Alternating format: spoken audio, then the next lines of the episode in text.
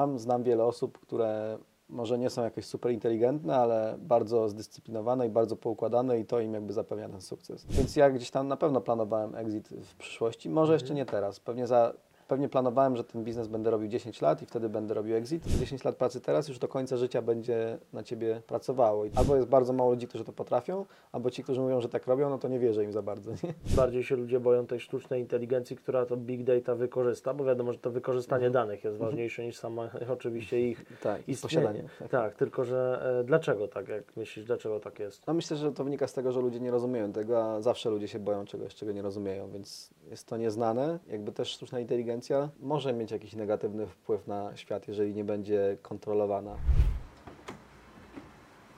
Cześć wszystkim, właśnie dojechaliśmy do mega ciekawego gościa, czyli Damiana Sałkowskiego, współtwórcy Senuto i Vestigio, więc wchodzimy.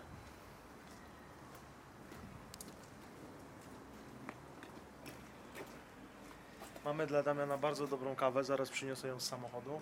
E, Wiem, że on nie pije kawy, ale może pracownicy będą zadowoleni.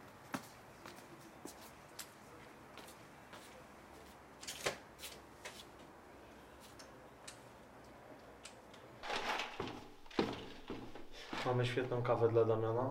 Pewnie znowu siedzi w chill roomie, jak zwykle. Cześć Damian. Dzień dobry.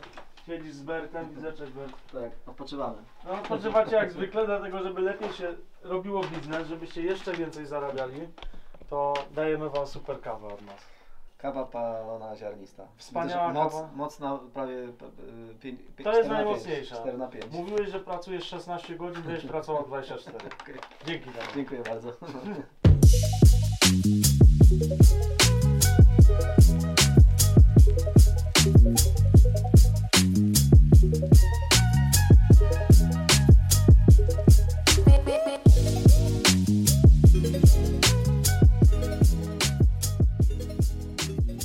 Cześć wszystkim, witamy serdecznie w podcaście Pomysł na siebie. Jest z nami dzisiaj Damian Sałkowski, Dzień dobry wszystkim. współtwórca Senuto i Vestigio Zgadza e, się. oraz sympatyk startupów. Tak, Nie no, można powiedzieć sympat- sympatyk praktyk. Sympatyk praktyk, praktyk od sceny 8 lat. Tak, zgadza się. Pogadamy dużo o startupach, więc jak kogoś to interesuje, to myślę, że powinien się zainteresować naszym podcastem dzisiaj. A zadam Ci pięć pytań, których jeszcze Damian nie zna, więc kluczowy czynnik sukcesu w biznesie. Myślę, że dyscyplina i niepoddawanie się. To w moim przypadku było kluczowe i tego się będę trzymał. Czy warto iść na studia? Nie wiem, bo nie byłem. Znaczy nie skończyłem, więc nie chcę brzmieć jak ktoś, kto namawia do nie pójścia, ale no pewnie jeżeli chcesz być lekarzem, nie ma innej drogi. Jeżeli chcesz być informatykiem, no to niekoniecznie musisz iść, więc zależy od tego, co chcesz robić. I co chcesz leczyć, nie? Tak. Jim Beam czy Jack Daniels? Jack Daniels. Jack Daniels, to tak A najlepiej Shivas. rejsu. Dobra. E, Ulubiony film o biznesie? Ciekawe. The Social Network. Mhm. Może nie o biznesie, ale o powstaniu Facebooka. I ciekawa też fabuła i mój ulubiony aktor w roli Marka Zuckerberga. O. Największa porażka w biznesie? Twoja? Myślę, że jeszcze przede mną. Nie miałem jakichś spektakularnych porażek do tej pory. Czego to jest kwestia, że nie miałeś tych porażek? Czy tak odczuwasz, Myślę, że y, jak robiłem coś, co nie wychodziło, szybko z tego się wycofywałem. bazowałeś na danych mocno i No, dlatego... gdzieś tam, nie, nie wiem, czy na danych akurat, jak, bo te biznesy, które prowadzę teraz, to są w zasadzie te, które zaczynałem jako pierwsze. Mhm. Miałem jeszcze pomniejsze jakieś projekty po drodze, które nie wychodziły, ale to nie wychodziły z tego względu, że starałem się łapać zbyt dużo Aha. projektów na raz i jakby wszędzie zawalałem, więc je szybko odpuszczałem, więc nie, nie było jakąś spektakularną porażką, na przykład, nie wiem, straciłem kilkanaście tysięcy złotych, to, to pewnie z tej perspektywy nie jest jakaś tam porażka, jakaś lekcja, którą, za, za którą zapłaciłem, nie? A ta dyscyplina, o której powiedziałeś, do jakiego stopnia to była dyscyplina, że tak e, stwierdziłeś, że to jest ta kluczowa kwestia? No, widzę to po swoich ludziach i sobie, że to, że codziennie przez, codziennie przez 8 lat po 10 godzin robię to samo i dążę do tego celu, nie, z- nie zważając na to, czy mi idzie, czy nie, i nie poddaję się, to, Mhm. to jest taki kluczowy czynnik, bo jakby sobie teraz patrzę, taką retrospektywę robię w kontekście chociażby Senuto, to, to gdzieś zaważyło na jakimś tam powodzeniu. Nic więcej, bo nie mam jakichś szczególnych zdolności, ani, Tak ani jakieś, nie jestem na jakimś szczególnie wyhypowanym rynku, ani nie miałem jakichś szczególnych przewag, które mogłem wykorzystać, tylko ta dyscyplina gdzieś tam prowadziła do tego, że, że się Mhm. udawało. Czyli uważasz, że nie trzeba jakichś specjalnych umiejętności mieć do biznesu, żeby wyszło na takim poziomie, jakim jesteś na Nie, przykład? nie, nie. No wydaje mi się, że jakby nie, nie prowadzę Amazona, więc być może do, do prowadzenia Amazona trzeba mieć jakieś super zdolności, ale żeby mieć taki biznes na poziomie, nie wiem, 50-100 osób zatrudnionych i dobrze prosperujący, no to niewiele tak naprawdę potrzeba. Nie potrzeba super inteligencji, wystarczy to. Mam, znam wiele osób, które może nie są jakieś super inteligentne, ale bardzo zdyscyplinowane i bardzo poukładane i to im jakby zapewnia ten sukces. Mhm. Nawet jak jesteś super inteligentny, to często powoduje, że się bardzo rozpraszasz albo bardzo wchodzisz w szczegóły i to nawet po, po, potrafi przeszkadzać, nie? Jak to wy- wyglądało u Ciebie po prostu, e, jeśli chodzi o tą pracę na co dzień? Dlaczego akurat na przykład u Ciebie to zdawało egzamin, a inni mają z tym problem? No bo ja się często z tym spotykam, że ludzie mają problem z tą dyscypliną. Już nie mówię o początkujących, Mhm. którym się wiele wydaje, bo ludziom się w ogóle bardzo dużo wydaje, zwłaszcza jeśli chodzi o biznes, ale e, bardziej chodzi mi o kogoś, kto już tam parę lat spędził i dalej mu nie wychodzi i coś jest nie tak. Wiesz co, no, y, też, też mam problemy z dyscypliną, oczywiście jak każdy mam lepsze i gorsze dni, Mhm. ale myślę, że to jakaś cecha dziedziczona, chyba po mamie mam taką cechę, że jestem dosyć pracowity. Okej, Y, a na jakim poziomie te biznesy Twoje aktualne są, żeby tutaj e, słuchacze sobie mogli rozeznać, do jakiego poziomu doszedłeś? Okej, no to Senuto to jest biznes, który tam generuje 6 milionów rocznie przychodu. Mamy około 2000 klientów w Polsce i zespół 30 osób. W Westrydzie to jest biznes tam 5 milionów złotych rocznie, 20 osób zatrudnionych. Mam jeszcze biznes na Mazurach, wypożyczam, czarteruję łodzie. No i to jest tam kilkaset tysięcy złotych rocznie y, obrotu na tym biznesie. Myślę, że jak na tyle osób, ile macie, to jest bardzo dużo klientów i dość duży obrót. Mimo wszystko, bo jednak tyle, w tyle osób macie chyba bardzo dużo automatyzacji i jakichś e, aplikacji do biznes tego. software'owy, więc tak naprawdę większość klientów sama się obsługuje. Mhm. Więc u nas nie ma takiej obsługi. Mamy 6 osób w obsłudze klienta i one prowadzą średnio z tymi 2000 klientami 300 konwersacji miesięcznie, czyli średnio tylko 300, 300 z 200 tysięcznych klientów w ogóle się nas odzywa. Reszta po prostu płaci albo automatycznie pobieramy środki z karty, albo wchodzą i po prostu odnawiają subskrypcję. Ty powiedziałeś, że 8 lat jesteś związany z tym środowiskiem startupów, a z przedsiębiorczością 10. 10. A Tak. co było wcześniej i skąd pomysł na to, co robisz teraz? No wcześniej robiłem usługi agencyjne, robiłem, robiłem SEO, czyli powiedzmy taką formę marketingu. Mhm. Mm, No i jakby jak pracowałem w K2, to jest taka duża polska agencja marketingowa, jedna z największych takich z polskich kapitałem na giełdzie są notowani, no to tam jakby też się interesowałem automatyzacją, tworzyłem jakieś małe programy na potrzeby powiedzmy automatyzacji pewnych procesów, które w agencji robiliśmy. Mhm.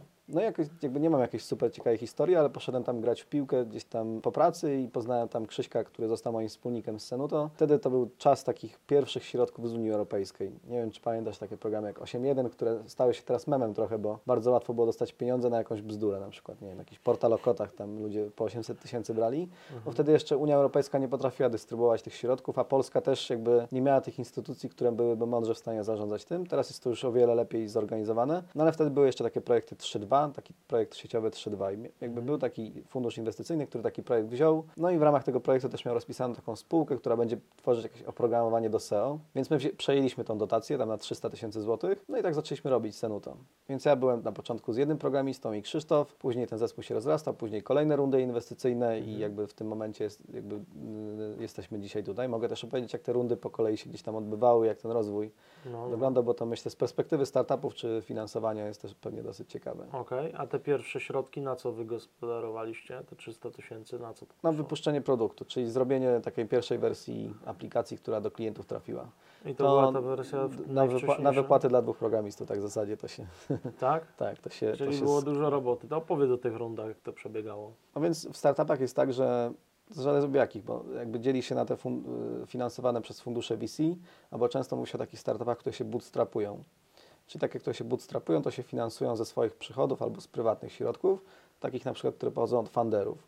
No my nie mieliśmy takiej sytuacji, bo nie mieliśmy produktu ani klientów, więc musieliśmy za pieniądze inwestora stworzyć, stworzyć produkt, więc weszliśmy w tą ścieżkę funduszy VC. Wtedy to jeszcze nie był ten fundusz VC, ten pierwszy, a dostaliśmy te 300 tysięcy złotych.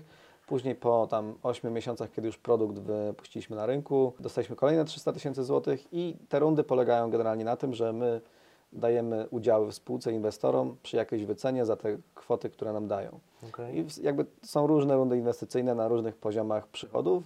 Jest jakiś taki standard, na przykład jest runda pre-seed, runda seed. Runda pre-seed to jest w momencie, kiedy nie masz produktu, ale już masz pomysł na produkt i chciałbyś zebrać jakieś takie pierwsze finansowanie. I wtedy, jak to robiłem 8 lat temu, to jeszcze były inne czasy, więc inne kwoty też y, w tych rundach były. Ale powiedzmy, że runda pre-seed to jest jakby kwota około miliona złotych finansowania. Czyli masz taki pomysł, idziesz do takiego funduszu, który inwestuje na rundach pre-seed i do- dostajesz milion złotych, powiedzmy tam przy wycenie 10 milionów złotych, to tam 10% udziału w spółce dostajesz.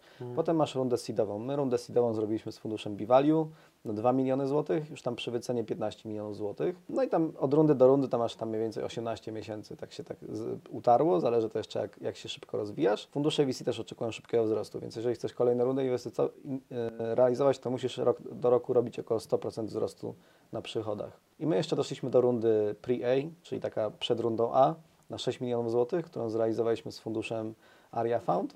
No i to jest to już tam runda przy wycenie tam powiedzmy 30 milionów złotych mniej więcej. Mhm. I tak w startupach zazwyczaj jest, że takie są waluacje, no chyba, że są jakieś wyjątki. Są spółki, które na przykład takie teraz quick commerce spółki typu Jog, które jeszcze nie miały na przykład przychodów, a już miały miliardowe wyceny. To jakby podaje tylko taki Mhm. schemat, który nie zawsze się realizuje.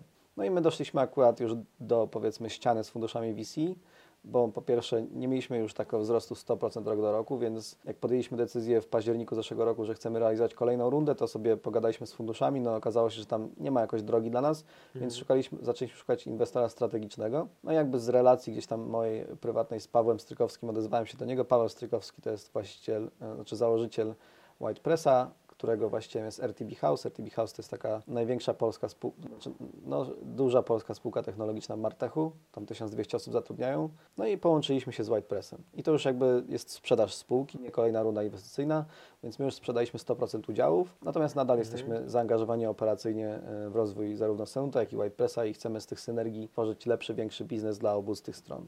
Czyli wyeksitowałeś się. Wyegzitowałem się, E, tak. Dobra, a to planowałeś wyjście takie z firmy, czy jakby nie, nie przychodziło Ci to do głowy? Czy docelowo, docelowo na pewno tak. W sensie jakby pewnie to takim, jak już weszliśmy w ścieżkę VC, no to pewnie masz dwie drogi. Albo sprzedać biznes na jakimś etapie, albo zrobić jakieś IPO. No i wtedy możesz upłynnić, te, inwestorzy sobie upłynniają udziały na giełdzie, ty też możesz lub nie musisz, nie? Więc wtedy sam decydujesz.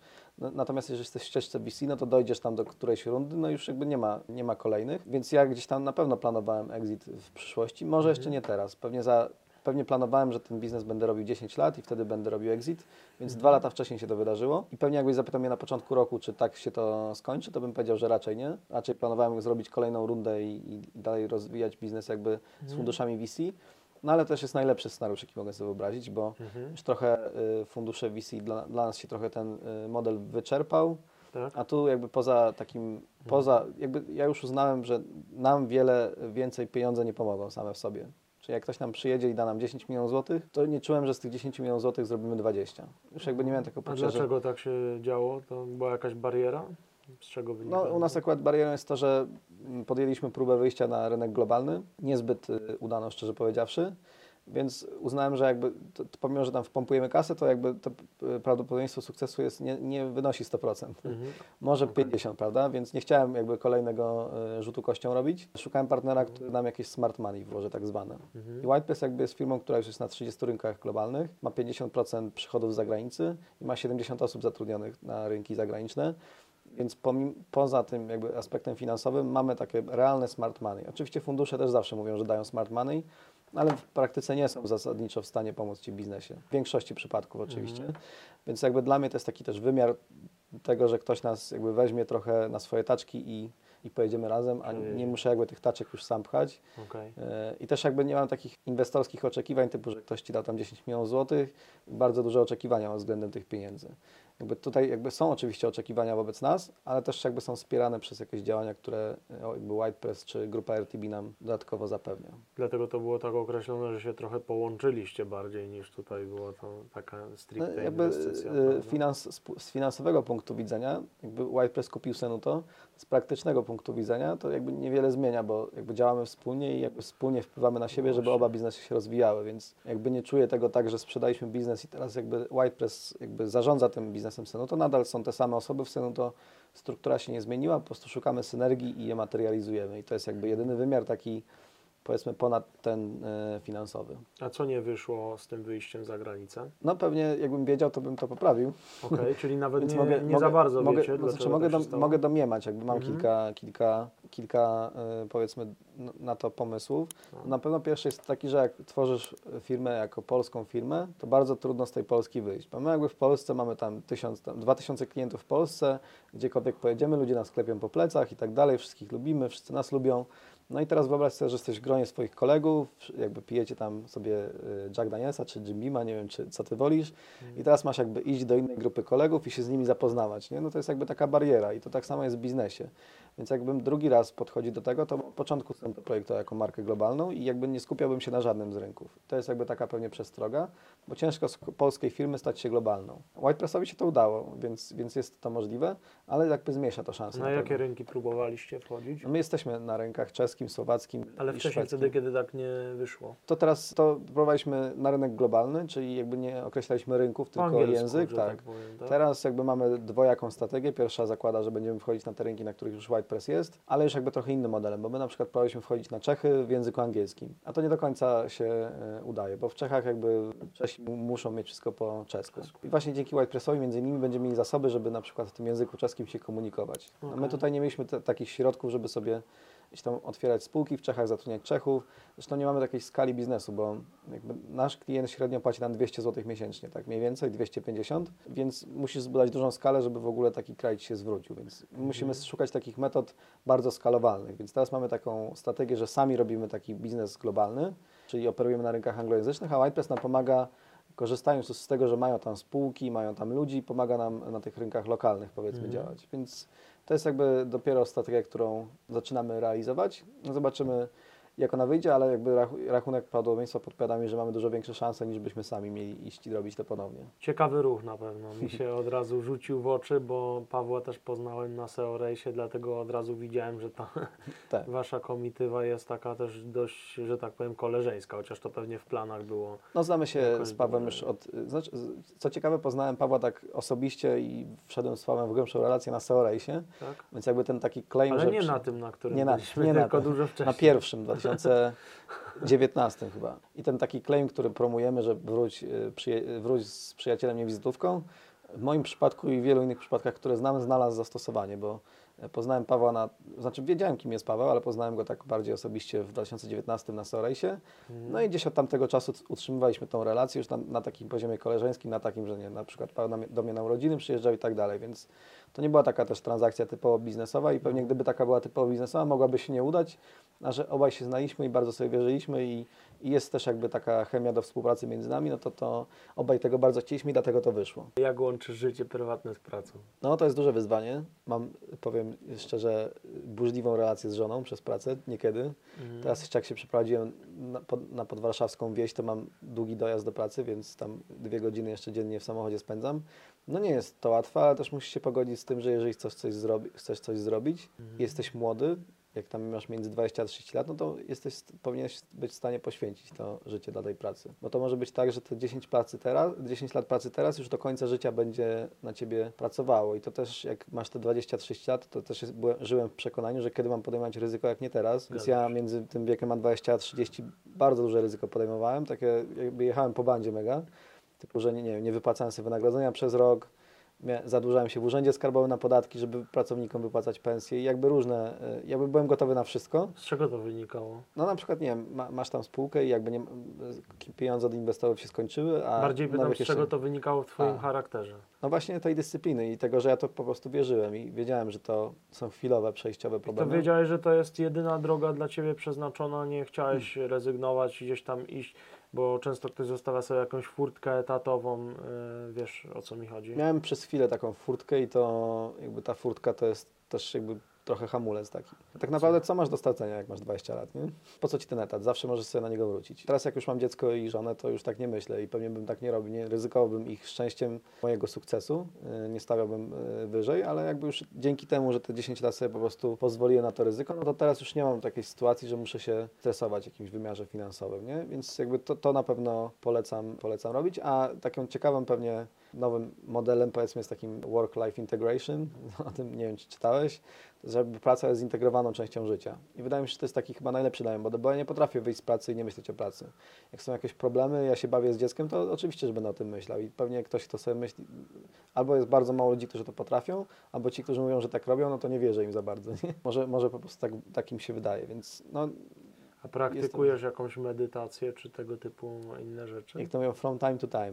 Trochę robię, później mam przerwę i z powrotem próbuję, ale różnych metod szukam na, Bo mi się wydajesz gościem takim bardzo twardo stąpającym po ziemi i takim właśnie liczbowym, taką osobą realistyczną. Dlatego Mhm. pytam, czy praktykujesz też takie metody, które są charakterystyczne dla rozwoju osobistego? No, prostu interesowałem się swego czasu rozwojem osobistym, produktywnością, biohackingiem. Mhm. Te tematy są mi dosyć, dosyć dobrze znane. Na przykład os- oddychanie Wima Hofa próbowałem, Okej. medytację też. Oczywiście w medytacji nigdy jakoś nie udało mi się dojść do jakiegoś takiej poziomu, że czułem, że to mi jakoś mocno pomaga. Bardzo mam taki umysł, że dużo myśli mi w głowie krąży, więc jak siedzę 10 minut i staram się nie myśleć, to, to bardzo, e, bardzo się już denerwuję. Nie?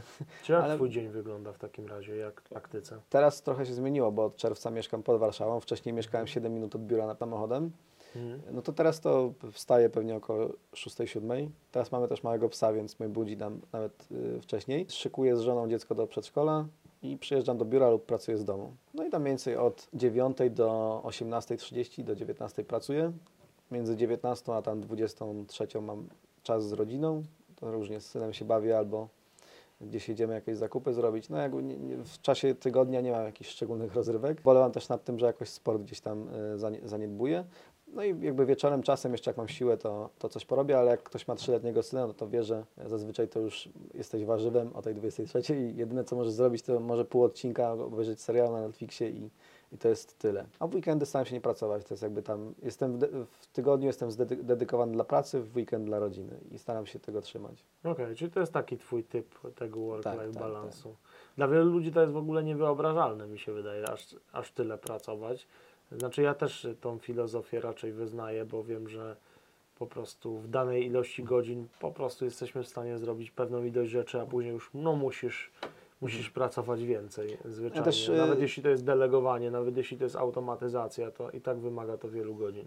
To jak kiedyś pracowałem więcej, jakby po kilkanaście godzin też weekendy, to Mhm. jakby ten taki model ma powiedzmy od dwóch, trzech lat. Mhm. y, odkąd mam, odkąd mam dziecko, ale też uważam, że takie bardzo długie godziny też już jakby człowiek nie jest w stanie się jakoś skupiać przez 14 godzin, więc pewnie te 5 godzin takiego quality time to jest najważniejsze, więc najważniejsze, żebyś po prostu wykonywał taką pracę głęboką i żebyś nie był reaktywny, tylko proaktywny.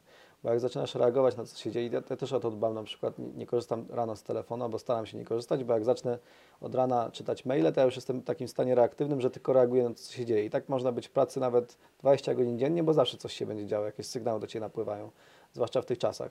Ale jak sobie ten dzień zapa- zapanujesz nad swoim dniem, pozwolisz sobie na tą pracę głęboką, zresztą polecam taką książkę Deep Work, będziesz, ja starałem się pracować w takich interwałach 90-minutowych z prze- 15-minutowymi przerwami i jak mam takie cztery cykle 90-minutowe w ciągu dnia, to już jest super, nie? Mhm. Jestem zadowolony. A nie jestem zadowolony w takich dniach, nawet dużo pracowałem, ale byłem reaktywny, czyli nie wiem, odpisywałem cały dzień na maila, nie? Albo, albo gdzieś tam na Slacku, na komunikatorze z pracownikami rozmawiałem, bo to jakby do niczego nie prowadzi, a ludzie są mistrzami jakby, jakby wiesz, w takim byciu zajętym. No tak, tak. Każdy jest Później nie mega- ma z tego tak, żadnych tak, efektów, tak, tak. prawda? Taka gówno praca, nie? Jakby No. jestem mega zajęty, ale jakby efektów jakby za bardzo nie widać, nie? Ja, ja- ja jak e, taką mam, że tak powiem, łapię się na tym, to bardzo się denerwuję na siebie, wiesz? Mam Tak. takie podejście, czemu nic nie robisz? Kurde, dobra, czas zacząć coś robić poważnego, co wnosi y, ten biznes coś, a nie po prostu jest takim zajęciem dla zajęcia. Ja też byłem y, kiedyś to im, na, im więcej tasków na mojej liście, tym lepiej i tak, Tak. dalej. Teraz jakby pięć dziennie to już jest tak jest dużo. Nie? A co zawiera ten twój e, deep work właśnie najbardziej? Co to są za zadania? No mam na przykład, nie wiem, przygotować, przygotować strategię wyjścia na global, nie? To jakby Mhm. nie zrobię tego tak w międzyczasie, kiedy odpisuję na maile. Mhm. Więc muszę poświęcić na to takie cztery, powiedzmy, cykle 90-minutowe, ale to polega na tym, że ja nic innego w tym czasie nie robię, więc wszystkie powiadomienia i tak dalej mam wyciszone. Telefon nie dzwoni, też jakby go w ten tryb pracy Lubisz taką pracę, czy po prostu to jest wymagane od ciebie trochę? Z uwagi Lubię, na... lubię. Jakby lubię się zagłębić w czymś, nie lubię takim po powierzchni jechać, nie? Jakby jest dużo, dużo jest takich ludzi, którzy tak pracują, jakby ślizgając się po, ślizgając się po tematach, a jakby największą wartość daje takie mo- mocne, głębokie wejście w temat i jak go dobrze zrozumiesz, no to właśnie to też jakąś przewagę Ci buduje. Więc No bardzo dobra. to lubię, bo jakby też jestem menadżerem, mam tam w obu firmach ponad 50 osób i jeszcze teraz z Whitepressem sporo osób, z którymi współpracuję, więc nie da się jakby tak odciąć od tego wszystkiego, no ale trzeba jakoś tym zarządzać. Ja też zresztą zawsze moim ludziom mówię, że nie muszą od razu na wszystko odpisywać, bo nie, nie pracują w karetce pogotowia i nikt nie umrze, jak za dwie godziny dostanie odpowiedź, nie? Więc ty Oczywiście. powinieneś być panem swojego czasu i nie pozwalać, żeby ktoś ci kalendarzem zarządzał. Więc to jest taka kluczowa chyba moja dewiza, którą się kieruję w pracy tak na co dzień. Trzeba założyć bloga Damian, po prostu pan swojego czasu. Tak. Oczywiście żartuję, to są takie śmieszne blogi e, dla mnie. E, lubię, lubię się z tego wyśmiewać, ale chcę Cię zapytać właśnie a propos e, zarządzania. Mhm. Bo wiadomo, każdy, kto ma biznes, to w jakiś sposób próbuje się edukować w tym, w tym zarządzaniu.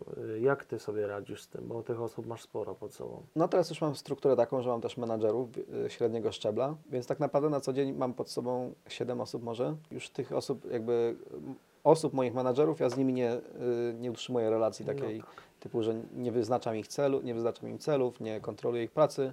W którym momencie pojawili się ci średniego szczebla? Jaki to był przedział liczbowy? No, około 15 osób jak było. Natomiast y, Czyli ta jedna osoba ogarniała 15? nie, Później? nie, około 15 osób było w firmie i było już tam pewien z trzech menadżerów. nie? Okej. Ale ja też wtedy, wiesz, też wchodziłem w interakcję ze wszystkimi pracownikami. Mhm. E, Wtedy jeszcze możesz sobie pozwolić na taki mikromanagement, a później jakby, jakby jak, jak starasz się wszystko wiedzieć w firmie, która ma 30 osób, no to stajesz się tym problemem w firmie, bo jesteś takim wąskim gardłem. Bo to też nie jest, bo to też nie jest ciebie. tak, że jak masz 20 osób, potem rośniesz do 30, to rośniesz o 10 osób, tylko ta liczba połączeń, permutacji pomiędzy tymi osobami, ona rośnie jakby wykładniczo, nie? Więc jakby to nie jest tak, że 10 osób przybywa, tylko na przykład przybywa 100 połączeń między ludźmi, nie? Więc tych relacji jakby tak naprawdę jest dużo więcej. U nas akurat chyba takim modelem zarządzania, który najlepiej się sprawdza, to stosujemy model OKR, Objective Key, Results. To jest model stworzony przez Intela i promowany bardzo przez Google'a. To jest właśnie taki model zarządzania celami, gdzie ja wyznaczam cele dla całej organizacji raz na kwartał, kaskaduję te cele na moich menadżerów, oni się dogadują, kto jakie będzie realizował e, zadania i kto jakie sobie cele wyznaczy. Mhm. Ważne, żeby suma ich celów była równa się sumie celów firmowych, a później jeszcze każdy ma swoje personalne obiektywy. Mhm. I, i, znaczy objective to jest coś, co chcesz robić, key results to jest e, sposób, jak to zmierzysz, nie? Mhm. Dla nas na przykład jest obiektywem to, że będziemy mieli, nie wiem, 2000 klientów, a key resultsem jest to, że zmniejszymy churn rate o 1%, czyli tą liczbę klientów, którzy odchodzą. I każdy ma jakieś swoje cele, więc my nie musimy na co dzień kontrolować. Co tydzień mamy takie spotkania all hands, gdzie jakby robimy taki check-in tych wszystkich naszych OKR-ów, obiektywów. No i też co tydzień z menadżerami się spotykam i rozmawiam. I też z każdym menadżerem staramy się raz w tygodniu mieć one-to-one, żeby przegadać jakieś bieżące tematy.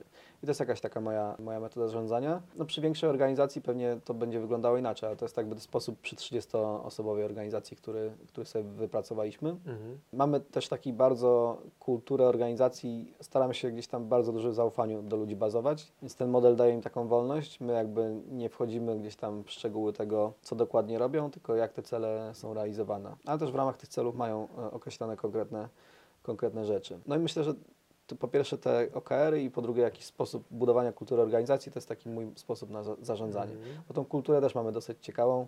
No nie wiem, staramy się jakieś takie nowoczesne rozwiązania, rozwiązania HR-owe wprowadzać. Na przykład mamy czterodniowy tydzień pracy, tylko od poniedziałku do czwartku pracujemy, mamy nielimitowany urlop, też jakby tutaj bazujemy gdzieś tam na zaufaniu do ludzi. No Z czego wynikają te zasady? Już nawet nie gdzieś, gdzie je podpatrzyliście czy wymyśliliście, tylko bardziej dlaczego te rozwiązania wprowadziliście. Bo określiliśmy sobie kiedyś, że chcemy być nowoczesną HR-ową organizacją.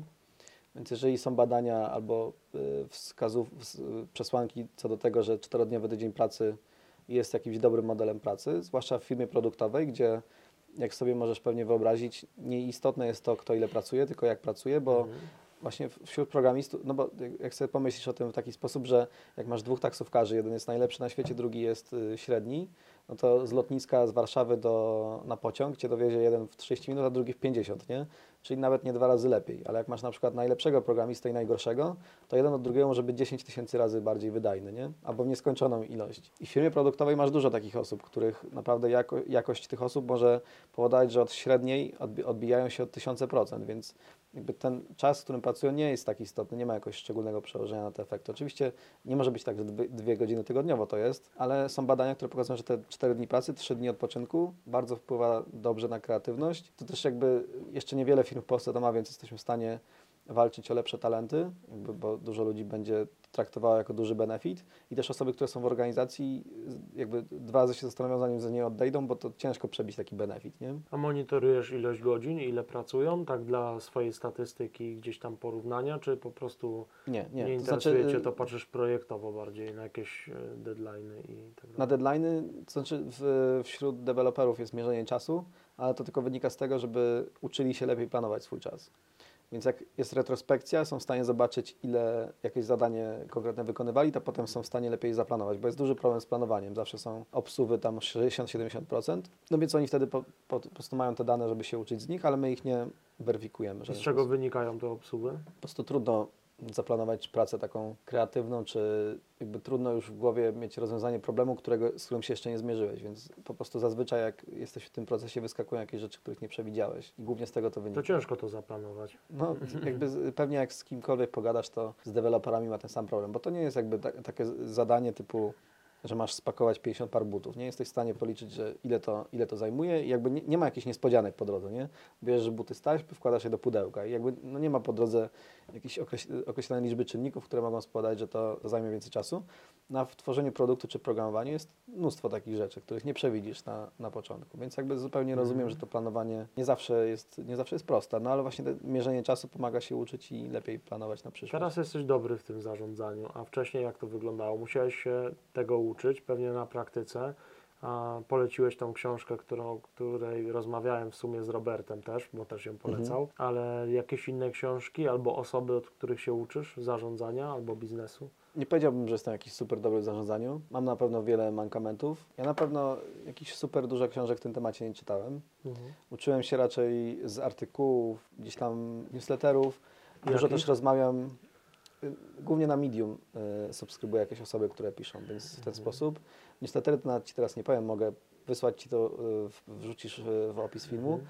Mam też duży network przedsiębiorców wokół siebie, Mhm. więc Okej. na przykład, nie mam kolegów, którzy, z którymi mam mastermind tam raz na jakiś czas, którzy prowadzą biznesy software'owe z liczbą klientów powyżej tysiąca i spotykamy się w takiej grupie sześciosobowej i wy- wymieniamy doświadczenia, więc się dużo uczę jakby od innych, no i w praktyce oczywiście, ale też jakby wydaje mi się, że dobry menadżer to empatyczny menadżer, więc jakby jeżeli jesteś empatyczny i słuchasz ludzi, to Mhm. masz naturalnie predyspozycję do tego, żeby być dobrym menadżerem, bo zazwyczaj ludzie powiedzą Ci, co ich boli, co, ich nie, co, ich, co im sprawia radość, Mhm. jeżeli jesteś otwarty na, tą, na, to, na, tą, na ten feedback. Mhm. Więc organizacja sama się wtedy dąży do, No tak.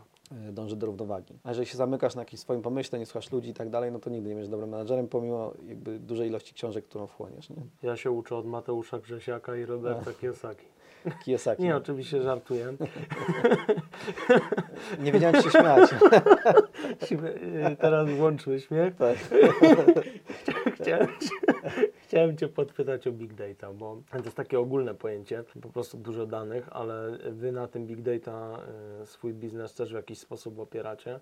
Chciałbym Cię zapytać, czy to jest bardziej zagrożenie, gdzie zbieramy dużo danych o ludziach, między innymi, czy też o stronach internetowych, czy bardziej pomocne narzędzie? No to jakby wiesz, miecz obusieczny, nie?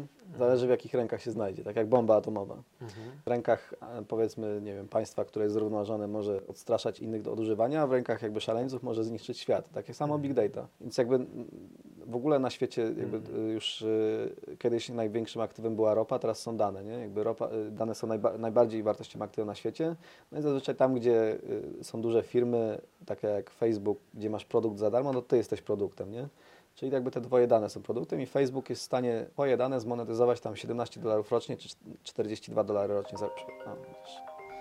nie, nie, wy- nie wyciszyłem, przepraszam. Możesz zrobić ten? Nie, spokojnie. A, zrobić cięcie. Bez problemu. Więc taki Facebook na przykład na Twoich danych zarabia tam powiedzmy 40 dolarów rocznie, Google tam 50 dolarów rocznie, więc sobie policz ile ludzi korzysta z tych danych.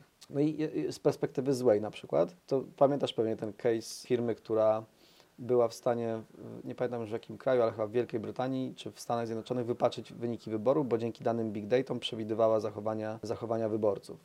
Natomiast jak sobie spojrzysz, to analiza big data może też pomóc na przykład prowadzić testy kliniczne na raka, bo jeżeli, jeżeli mamy dużo danych, na przykład nie wiem, zdjęcia radiologiczne z całego świata i mamy jakiś dobry hardware, którym opracujemy te dane, no to jesteśmy w stanie na przykład właśnie diagnozować szybko dzięki tym danym. Więc to ma w dwóch wymiarach. Natomiast no, trzeba przyznać, że te dane są wszędzie. Czy są wykorzystywane pewnie w większości przypadków źle, bo najczęściej to te dane są po to, żeby sprzedać Ci coś, więc najczęściej w marketingu pewnie jesteś w stanie to zauważyć. No, ale Myślisz, że to źle, że mm, takie są przecieki do marketingu, no bo jednak te da- dane skąd się biorą, więc jeżeli ktoś się zainteresował danym tematem, to w sumie jest mu polecany produkt lub usługa, która tak potencjalnie może go interesować. to nie jest Nie mówię raczej o spamie takim To nie, telefonicznym. jest, to nie jest do końca złe, ale jak sobie zobaczysz, to nie do końca te firmy są uczciwe w tym, jak komunikują to, do czego tych danych wykorzystują, bo No, no. jak sobie na przykład zobaczysz, ok, jakby masz te cookiesy w przeglądarce, czyli jakby zapisują ci w plikach tekstowych, gdzie byłeś i na, potem robią remarketing na twoją osobę Mhm. i to jest pewnie ok.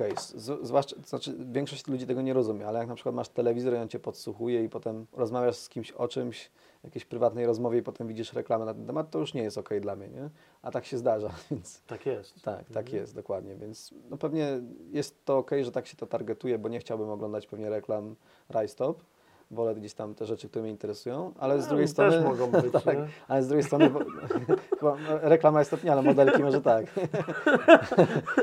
ale, ale z drugiej No, strony jakby tak. chciałbym jako konsument być świadom tego, gdzie te dane są wykorzystywane tak naprawdę i w jaki sposób, bo mogą być też w złych celach wykorzystane, nie? Mogą na przykład badać, że masz podatność na, nie wiem, hazard i ci reklamować hazard i w ten sposób możesz stracić swój majątek, więc to jakby wiesz, możesz się interesować hazardem, ale czy dobrze jest, że ci go sugerują? No nie do końca, nie? Jest dużo fajnych przykładów takich e, reklam, szczególnie właśnie pożyczkowych. Chyba dlatego e, Facebook między innymi ograniczył mocno te, No Google też. e, tak. te, Chwilówek. ten segment tych reklam, bo one bardzo dobrze trafiały do grupy docelowej. No więc- Google ma taki model, że są specjalne kategorie tak zwane Your Money, Your Life, czyli te kategorie produktów i usług, które dotyczą Twojego zdrowia lub Twoich pieniędzy, no to są w jakiś sposób ograniczone i mocno kontrolowane przez Google. I tutaj są jakieś suplementy diety, właśnie finanse, pożyczki, no hazard to jest w ogóle wykluczony, jakieś terapie, wiesz, holistyczne czy, czy, czy, czy jakieś eksperymentalne, więc Google to mocno monitoruje, więc jako korporacja robią jakieś starania, żeby Myślisz, że coaching powinni tam wprowadzić też jako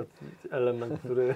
Ja nie, ja, ja, wiesz, ja, nie, ja nie korzystam z, znaczy zależy jaki coaching masz na myśli, bo taki coach profesjonalny, który wiesz, trochę rolę psychologa pełni i ci pomaga gdzieś tam rozwiązać problem, jest ok, ale taki ktoś, kto w internecie, na Facebooku wiesz, wykrzykuje coś, co daje ci motywację na 5 minut, ale jak już zamkniesz to, to jesteś w tym samym miejscu, co byłeś, no to, to na pewno bym to zdelegalizował.